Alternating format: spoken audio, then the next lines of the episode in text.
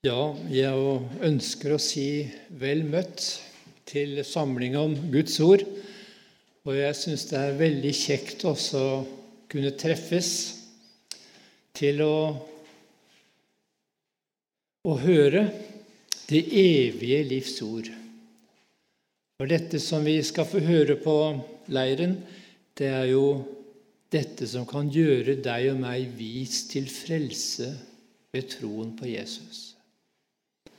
Derfor trenger vi å be, som vi fikk høre, at vi må ha et lydhørt hjerte som tar imot Guds ord og bøyer oss for det. Tenk det at dette ordet det er mektig til å vekke oss opp av våre synder og syndesøvn, sløvhet og likegyldighet, til omvendelse og til frelse og til et hellig liv for Jesus og bevare oss på veien til himmelen, slik at vi er rede når Han kommer. Derfor så må du ikke la ordet som du skal høre, gå ifra deg, men at du må ta imot det og bøye deg. Herre Jesus, vi ber om det, at du må bryte dette ditt ord for oss. Du ser det at vi har ikke sans for det som hører ditt rike til. Vi har bare sans for det som hører denne verden til i oss selv. Så ber vi Herre, om Din Hellige Ånd, at Han må komme og tale ordet og legge det inn i våre hjerter, Herre. Vi ber om en nådestund for liten og stor. Herre, miskunn deg over oss. Amen. Vi skal lese fra Daniel kapittel 1 det er et vers der som jeg ikke har blitt ferdig med, og som jeg da vil ta fram i kveld. Daniel 1.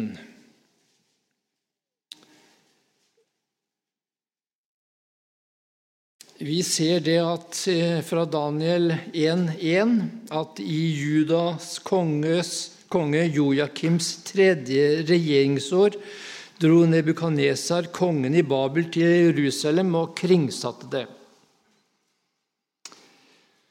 Og kongen i vers 3 sa til Aspenas, sin øverste hoffmann, at han skulle ta med seg noen av Israels barn, både av kongeheten og av de fornemste, unge gutter, som var uten lyte og fagre å se til, og med evne til å tjene, tilegne seg all visdom å vinne kunnskap og bli kyndig i vitenskap, og som var dyktige til å tjene i kongens palass, og at de skulle opplæres i kaldernes skrift og tungemål.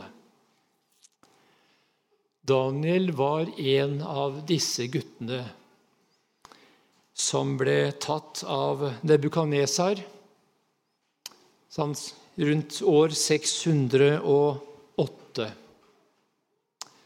Kan du tenke deg for en katastrofe? De regna med at Daniel da var rundt 14 år gammel. Og så bli tatt av en hedensk konge og ført bort i, i fangenskap. Skilt ifra far og mor, fra familien, skilt fra Jerusalem, skilt fra tempelet. Komme til et helt annet land hvor han da måtte, og han skulle, opplæres, og han skulle tjene Nebukaneser. Ja, 14 år gammel.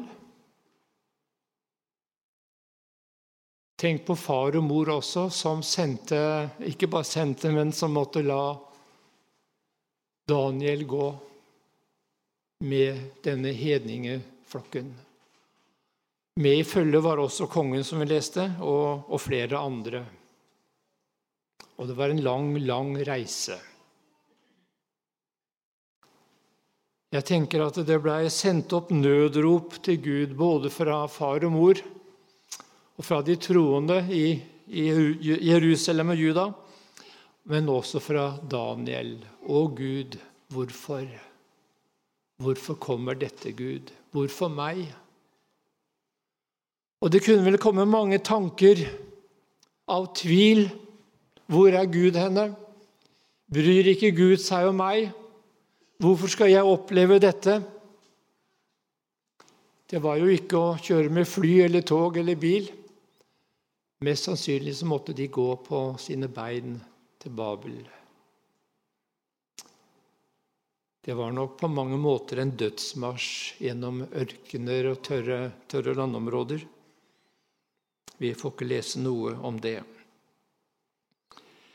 Når de da kommer fram til eh, Babel, så står det i vers 5 kongen fastsatte hver dag hva, hver, kongen fastsatte hva de hver dag skulle ha av kost, kongens kostelige mat og av den vin han drakk, og bød at de skulle oppdras i tre år. Og når disse år var omme, skulle de bli kongens tjenere. Blant dem var av Judas barn Daniel, Hananya, Misael og Asarya.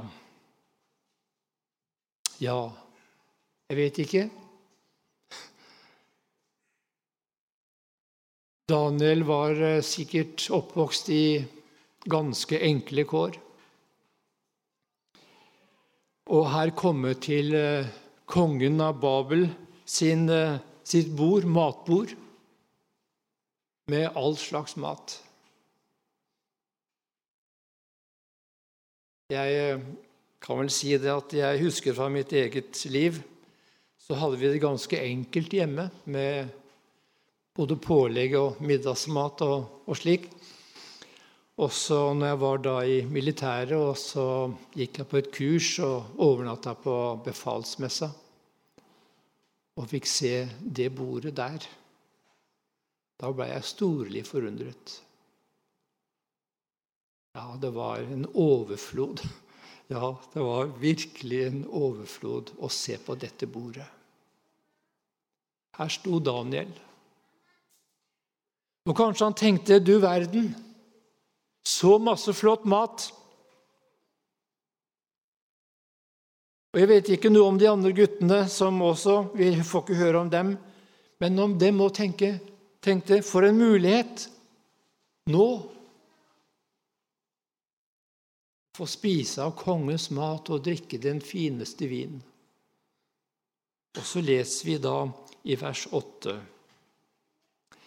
Men Daniel satte seg fore at han ikke ville gjøre seg uren med kongens kostelige mat og med den vin han drakk og han ba den øverste hoffmann om at han måtte være fri, for således å gjøre seg uren.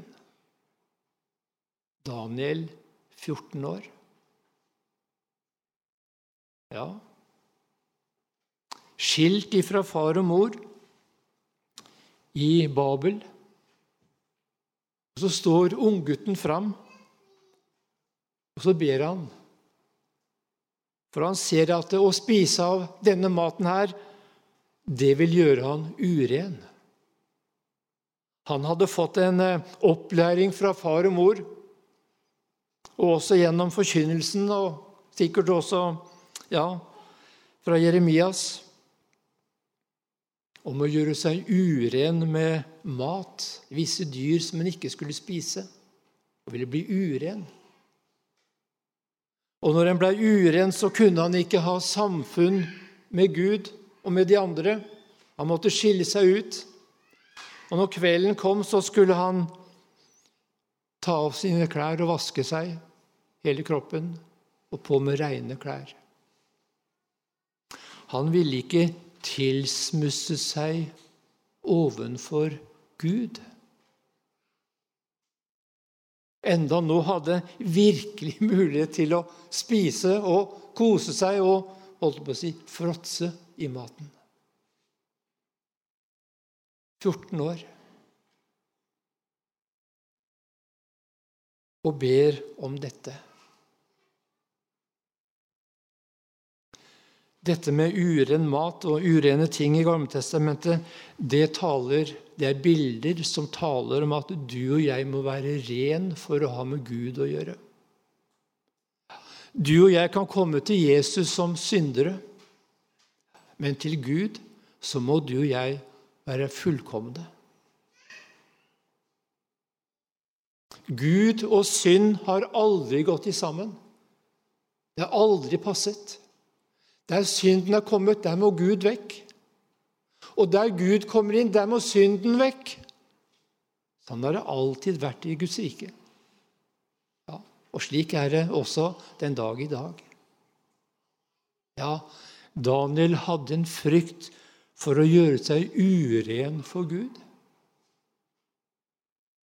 Ja. 14 år.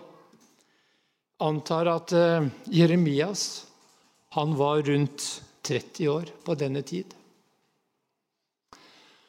Og Jeremias sin forkynnelse den skapte virkelig eh, Hva skal vi si bruduljer. Det var vel nesten som, eller kanskje enda verre som når Børre Knutsen gikk her nede og gikk inn på abortklinikker eller sykehus for å hindre at de skulle utføre abort. Så hadde de også dokker og ketsjup.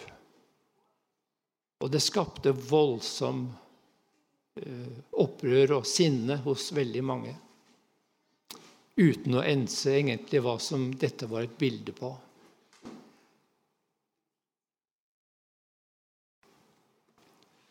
For Jeremias, Når vi begynner å lese litt i Jeremias, og jeg vil anbefale deg det Ta også Begynn å lese Jeremias fra kapittel 1 og utover.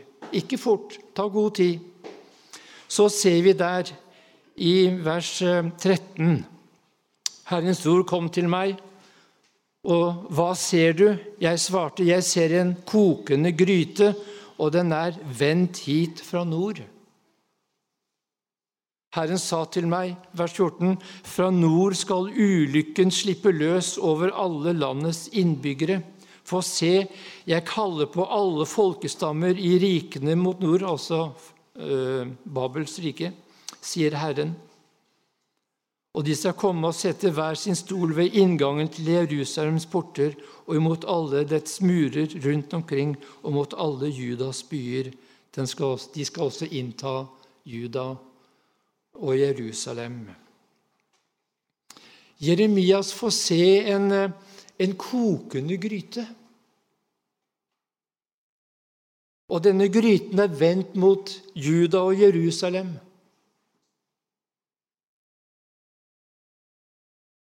Og det er fordi at Israels folk de frykter ikke Herren lenger. Nei. De lever etter sitt eget hode og ønske og tanker og mål. De dyrker ikke Gud lenger. Vi kan gå til, eh, kan gå til eh, ja, kapittel to. Så står det To onde ting har mitt folk gjort. Meg har de forlatt. Det var det første. Kilden med det levende vann. Leser du i Bibelen? Leser du i Bibelen? Hører du hva Bibelen sier til deg? Bøyer du deg for dens tale? Det gjorde ikke jødene på Jeremias sin tid.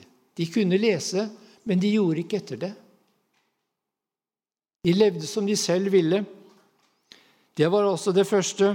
Og så hadde de hugget ut egne, hugget seg ut brønner, sprukne brønner som ikke holder vann. De drakk av andre steder. Hvor er det du drikker hen i din hverdag? Du, jeg regner med at du som er her, du kaller deg en kristen. Drikker du av Guds ord?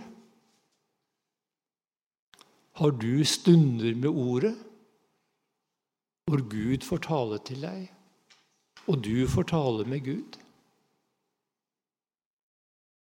Eller er det slik at du har Det er så Nei, det er jo kamp mange ganger. Da er det mye lettere å hogge seg ut egne sprukne brønner. Forlystelser og fornøyelser. Alt det som hører denne verden til. Ja, Slik var det også med jødene på Jeremias sin tid. De hørte ikke. De adlød ikke Guds ord. De bøyde seg ikke. Synd ble ikke synd lenger. Så kunne de leve i den ene synden etter den andre uten at de var klar over at det var synd. Vi ser i kapittel 2, vers 3 og 34.: Det finnes endog blod av uskyldige fattigfolk på, din på dine kjortelfliker. Det betyr også at de hadde utnyttet noen fattige til egen vinning. Du grep dem ikke inn du grep dem ikke i innbrudd, men på grunn av alt dette var det. De hjalp ikke de som trengte de fattige og svake, når det var innbrudd. De tok seg ikke av de, de fattige og enker og farløse. Og så ser vers 35.: Allikevel sier du, jeg er uskyldig. Guds vrede har visselig vendt seg fra meg. Se, jeg ville gå i rette med deg fordi du sier, sier Gud, jeg har ikke syndet. Det er veldig merkelig med synden, for at den, den virker slik på deg og meg at du, jeg ser ikke synden lenger. Ja, jeg kan leve i synd, i det som Bibelen kaller for synd, uten å få dårlig samvittighet. Ja. Ser du Daniel? Han kunne ikke det, han. Nei, Daniel kunne ikke det. Han ville ikke gjøre seg uren ved å spise av mat som Guds ord forbød. 14 år gammel. Jeg vet at det var også slik med deg den gangen du kom gjennom til liv i Gud om du har opplevd dette. Da hadde du også en øm samvittighet. Og det var en nød her inne etter å få leve rett og leve for, til Jesu ære.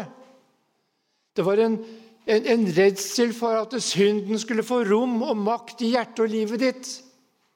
Ja. Og du måtte stadig inn til ordet for å lese. Ja, kanskje du måtte snakke med andre eldre, erfarne kristne også. For synden og kampen var så hår. Men det var noe her. Du kunne ikke leve i synd, og du ville ikke leve i synd. Og veit du hva det er?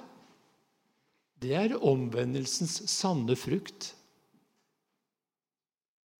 Når eh, døperen Johannes står ved Jordan, så kommer fariseeren og de skriftlærde. Og så sier døperen Johannes, si ikke ved dere selv at dere har Abraham til far. Jeg sier at Gud kan oppvekke Abraham, barn av disse steder, bær, stener. Bær derfor frukt som er omvendelsen verdig, som er også i, i samsvar med omvendelsen. Det er ikke på grunn av det at en bærer disse frukter, at en blir en kristen. Men det, det samsvarer. Og der det ikke samsvarer, at ikke det blir denne trangen etter å leve rett og leve rent for Herren ja, Der er det falskhet. Der er det hykleri. Da har du kommet bort ifra Jesus. Ja, da har du kommet bort ifra Jesus. For nåden virker er slik, ser du, at jeg får trang til å leve for Han. Til å si nei til det som er verslighet og gudelighet. Til å si ja til alt Guds ord og bøye meg for dette. Vi ser med, med Daniel. Han satte seg fore og ikke ville gjøre seg uren.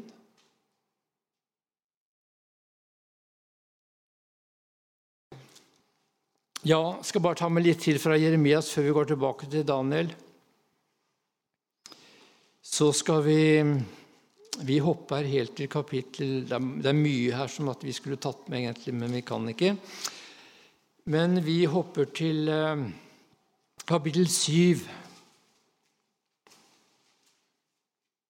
Og nå har vi, håper det har forstått at jødene de dyrka Gud på, på sin måte, med lovsang og ofringer og tempeltjeneste. Men hjertet, ser du, det var langt borte.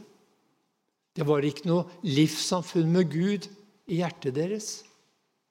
Ja. Så Jeremias han eh, fikk høre i kapittel 7, vers 1 dette er det ord som kom til Jeremias fra Herren. Still deg i porten til Herrens hus og rop ut dette ord og si:" Hør Herrens ord, hele Juda, og dere som går inn gjennom disse porter for å tilbe Herren. Så sier Herren herskarnes Gud, Israels Gud, bedre deres veier og deres gjerninger, så skal jeg la dere bo på dette stedet. Du kan jo tenke deg hvilken bruduljer dette fikk i folket. Som hadde kommet på avstand fra Gud. Som dyrket Gud bare, bare i det ytre. Bede deres veier, det er jo det samme som døperen Johannes og Jesus og disiplene sa. Omvend dere, for himlenes rike er kommet nær. Vend om ifra synden. For det er synden din og min som stenger oss ute fra Gud og ute fra himmelen. Åssen er det i ditt liv? Får Guds ord virke til omvendelse i ditt liv, i din hverdag? At du ser synden i livet ditt, tankene, ord, gjerninger? Må du bekjenne det? Bekjenner du det som synd? Eller er du helt overfladisk? Slik var det ikke med Daniel. Nei, vi antar at Dan, Jeremias' forkynnelse den gikk rett til hjertet på, på unggutten. Og det er jo ofte slik at i denne 12-13-14-15-årsalderen så er det veldig mange som kommer inn i, inn i vekkelse, inn i brytning, og, og, begynner å stille spørsmål er det noen Gud. Hvorfor lever jeg? Og Det er jo vekkelsens eh, kjennetegn, blant annet. Og at dette også virket, denne domsforkynnelsen, denne kokende gryta, som var vendt mot folket. Kan du tenke deg å få en kokende gryte over deg? Vi har jo sett eh, bilder av folk som har fått voldsom forbrenning. Det er smerter. Forferdelige smerter. Og sånn er det, ser du, for Gud.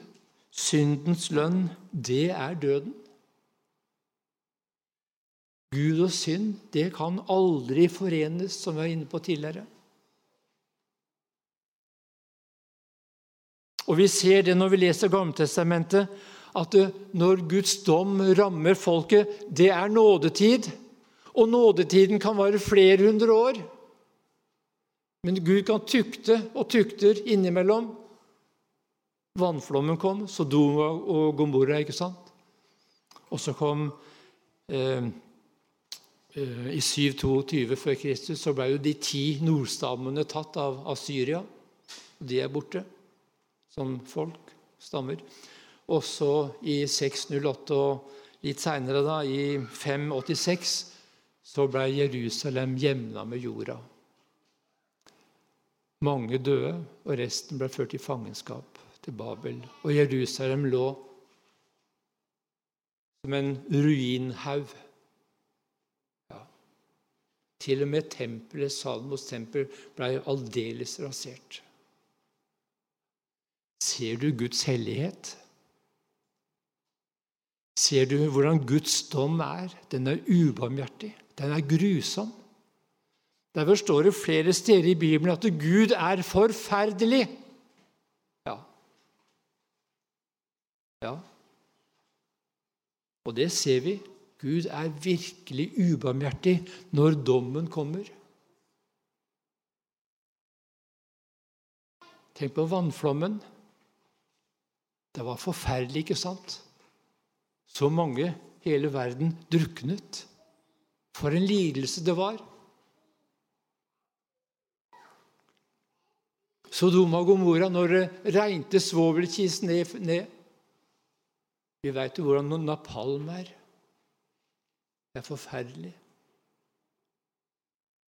Og dette her, det er egentlig bare forbilder som Gud taler til deg og meg om hvordan han er, og om hvordan straffen er for den som Gud finner synd hos på dommens dag.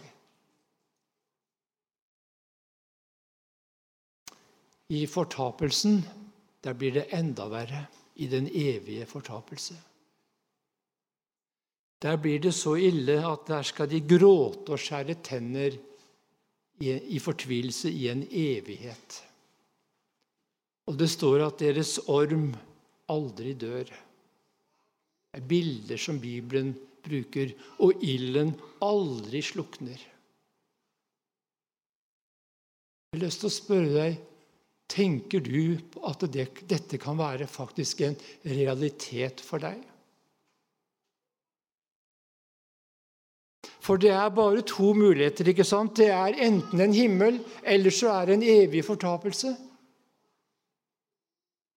Tenker du at du kan gå evig fortapt? Og tenker du at det, hvor forferdelig det er når Guds rettferdige dom over ondskap, over synd, skal betales og gjøres opp? Er du redd for å synde? Er du redd for å bli uren? Gjør du noe for å hindre at du ikke blir uren? Daniel gjorde det. Han satte seg fore. Det fikk koste nærmest hva det ville. Han kunne ikke gjøre seg uren. Gjør du deg uren?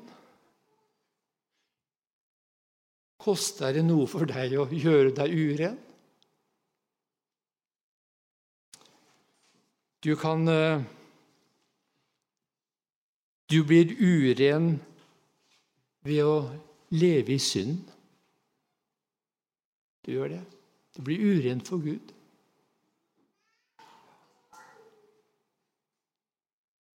For det er slik at eh, om, som Johannes skriver, at den som er født av Gud, han synder ikke.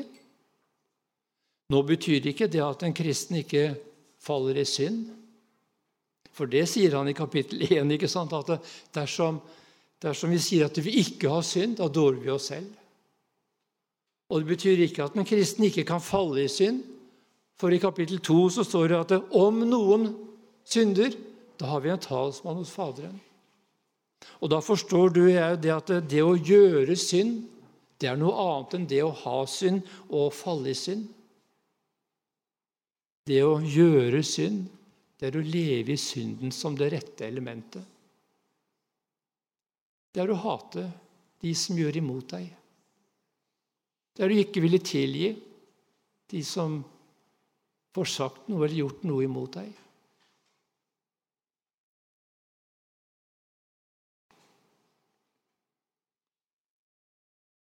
Egoist.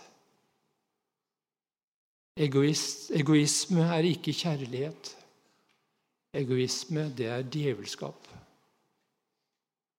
At jeg tenker på meg, søker mitt, det er djevelskap. Gud er ikke slik. Han søker de andres beste. Ja, du blir uren ved synd. Slik er det for Gud. Du kan gjøre deg uren ved å elske denne verden. Ja, ved å søke denne verdens forlystelser og fornøyelser. At det er her, det er her livet ditt egentlig er, i dette som denne verden har å by på.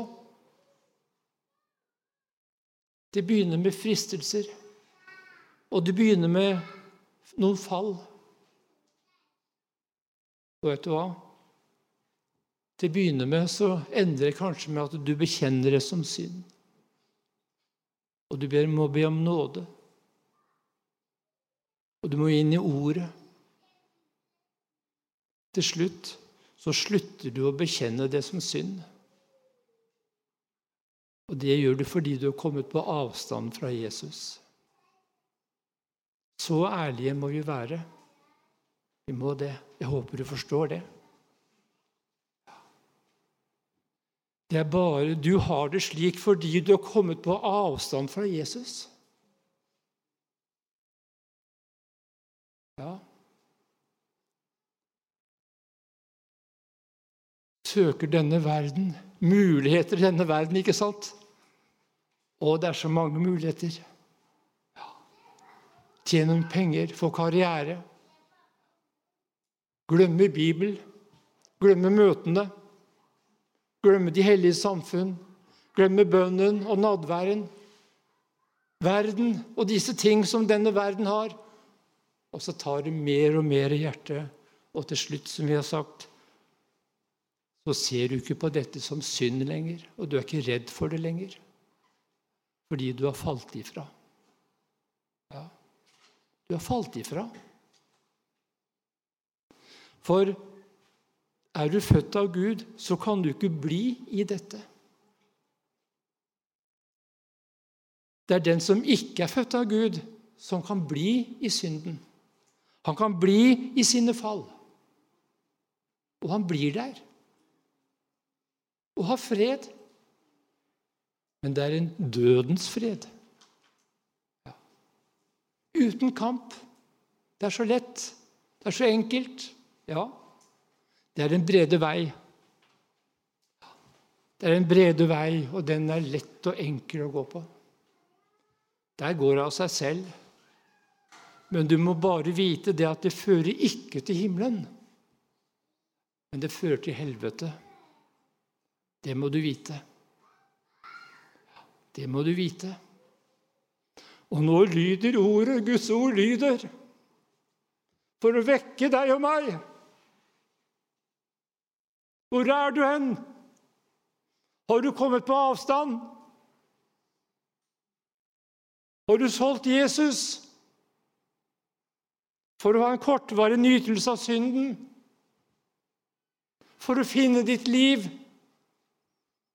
her i verden, så skal du miste det evige. Det går ikke an å kombinere. Det er enten-eller.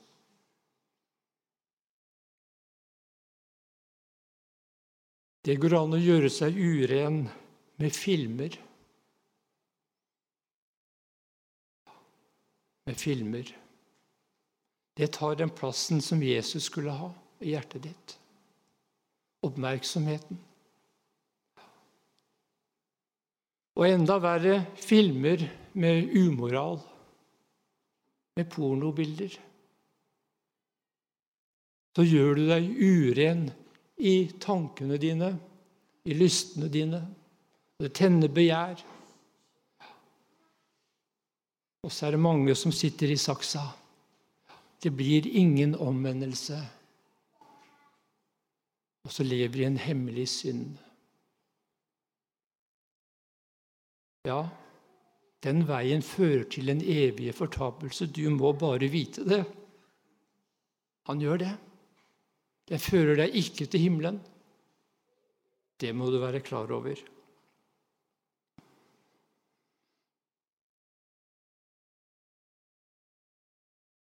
Nei, hva det Jesus sa? Hva det Bibelen sier?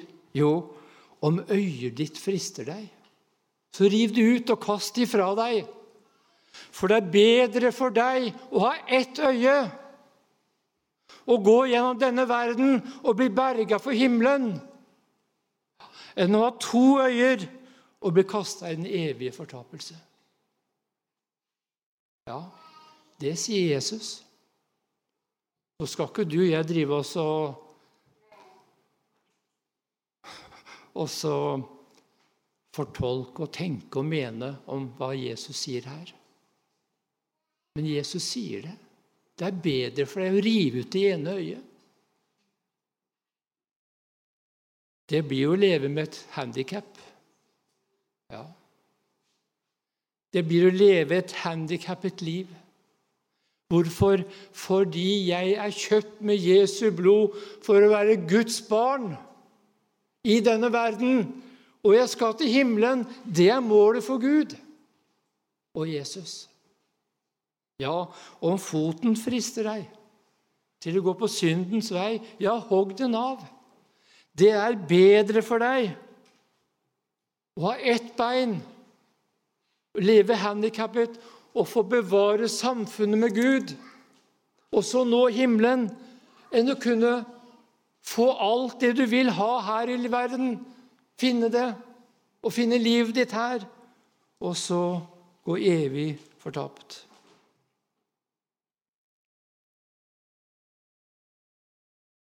Vet du hva? De mange av oss har reist i dag, og vi har satt av en eh, På kalenderen så har vi satt av en eh, dato. 12., 14., 14. 14. i 7. til 18. sommerskole på Fossnes. Og alle som er her Dere har gjort dette, og dere har tenkt og forberedt dagen, ikke sant? Torunn spurte meg har du noen klær Lars, som du skal ha på sommerskolen og må vaskes. kunne jeg si nei. Så enkel er jeg, ikke sant? Ja. Så var det å pakke. Det må jeg ha med, og det må jeg ha med, og det må jeg ha med. Så var det å sette seg i bilen. Så kjørte vi. Jeg ville ha god tid, sa jeg til Torunn. Det hadde vi. Langs veien det er bensinstasjoner som frister med det ene og det andre. Vi kjørte forbi to dyreparker ja, med masse opplevelser. Vi kjørte forbi hoteller. Men vet du hva? Vi brydde oss ikke om det. Vi brydde oss ikke om det, for vi skulle til Fossnes. Skjønner du poenget? Skjønner du poenget? Hva gjør du for å nå himmelen? Hva gjør du for å nå himmelen? Det er ordnet. Ja, Jesus er ordnet. Det er fullkomment. Men du skal vite det, at det er en djevel som er ute for å hindre deg og meg i å ha del i Jesu frelse. I å få leve i lyset og leve i nåden. Og leve i livssamfunnet med Gud. Der er en djevel. For at han vil ikke at du og jeg skal nå himmelen. Du vet hva det står om disse jebreerne 11. Så nå glemte jeg nesten å se på klokka her når jeg begynte. Jo, det var ti på, tror jeg. Sånn cirka. Så står det om Begynner med Abel. Og det fortsetter med Enok og Noah og Abraham og Sara. Og så står det at de døde i tro uten å ha oppnådd det Gud hadde lovet dem.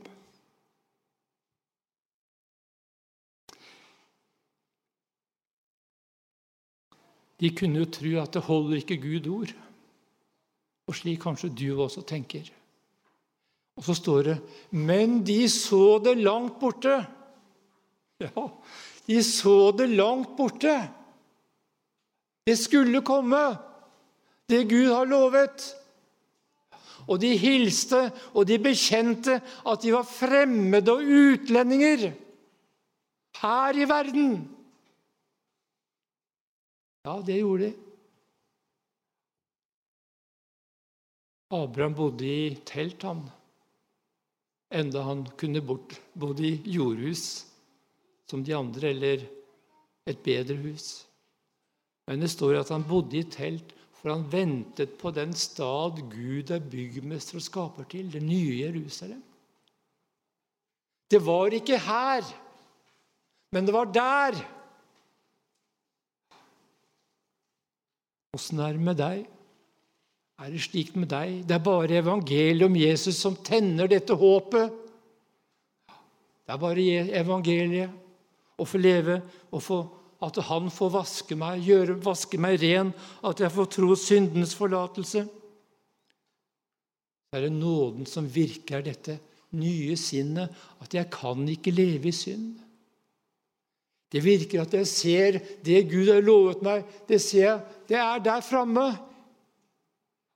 Himmelen er der framme. Det er ikke så lenge igjen. Jeg er fremmed og utlending. Det er Guds ord som virker dette på enhver som tror det. Og når dette blir borte i en kristens liv, da har frafallet skjedd. Og da skal jeg gå til avslutning.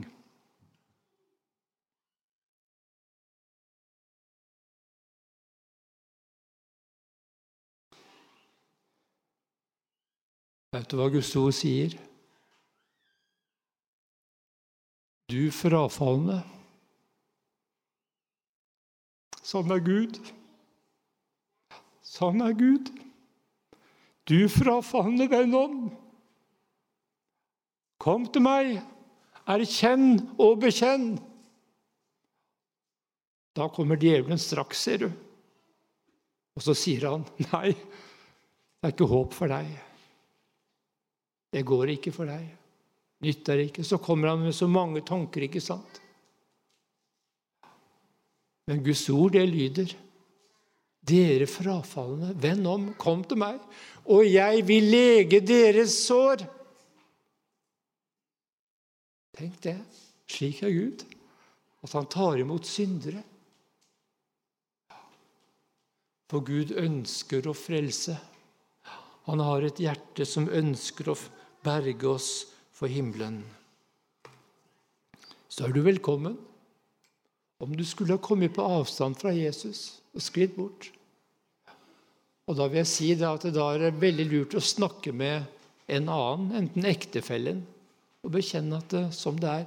For det er så godt å få bekjente snakket med noen. Eller du vil snakke med noen andre. Det gjelder evigheten.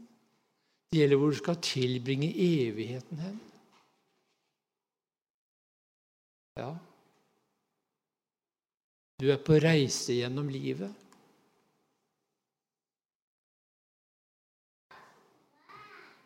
Ja, du er på reise gjennom livet. Hva er viktigst for deg? Er det å få mest mulig av denne verden? Eller er det å få mest mulig av Jesus og leve i samfunnet med ham? Å være grepet av ham, å være preget av ham, å leve for ham og tjene ham? Bli velsignet og bli til velsignelse, for det er det Gud vil med våre liv. Herre Jesus, miskunn deg over oss. Amen.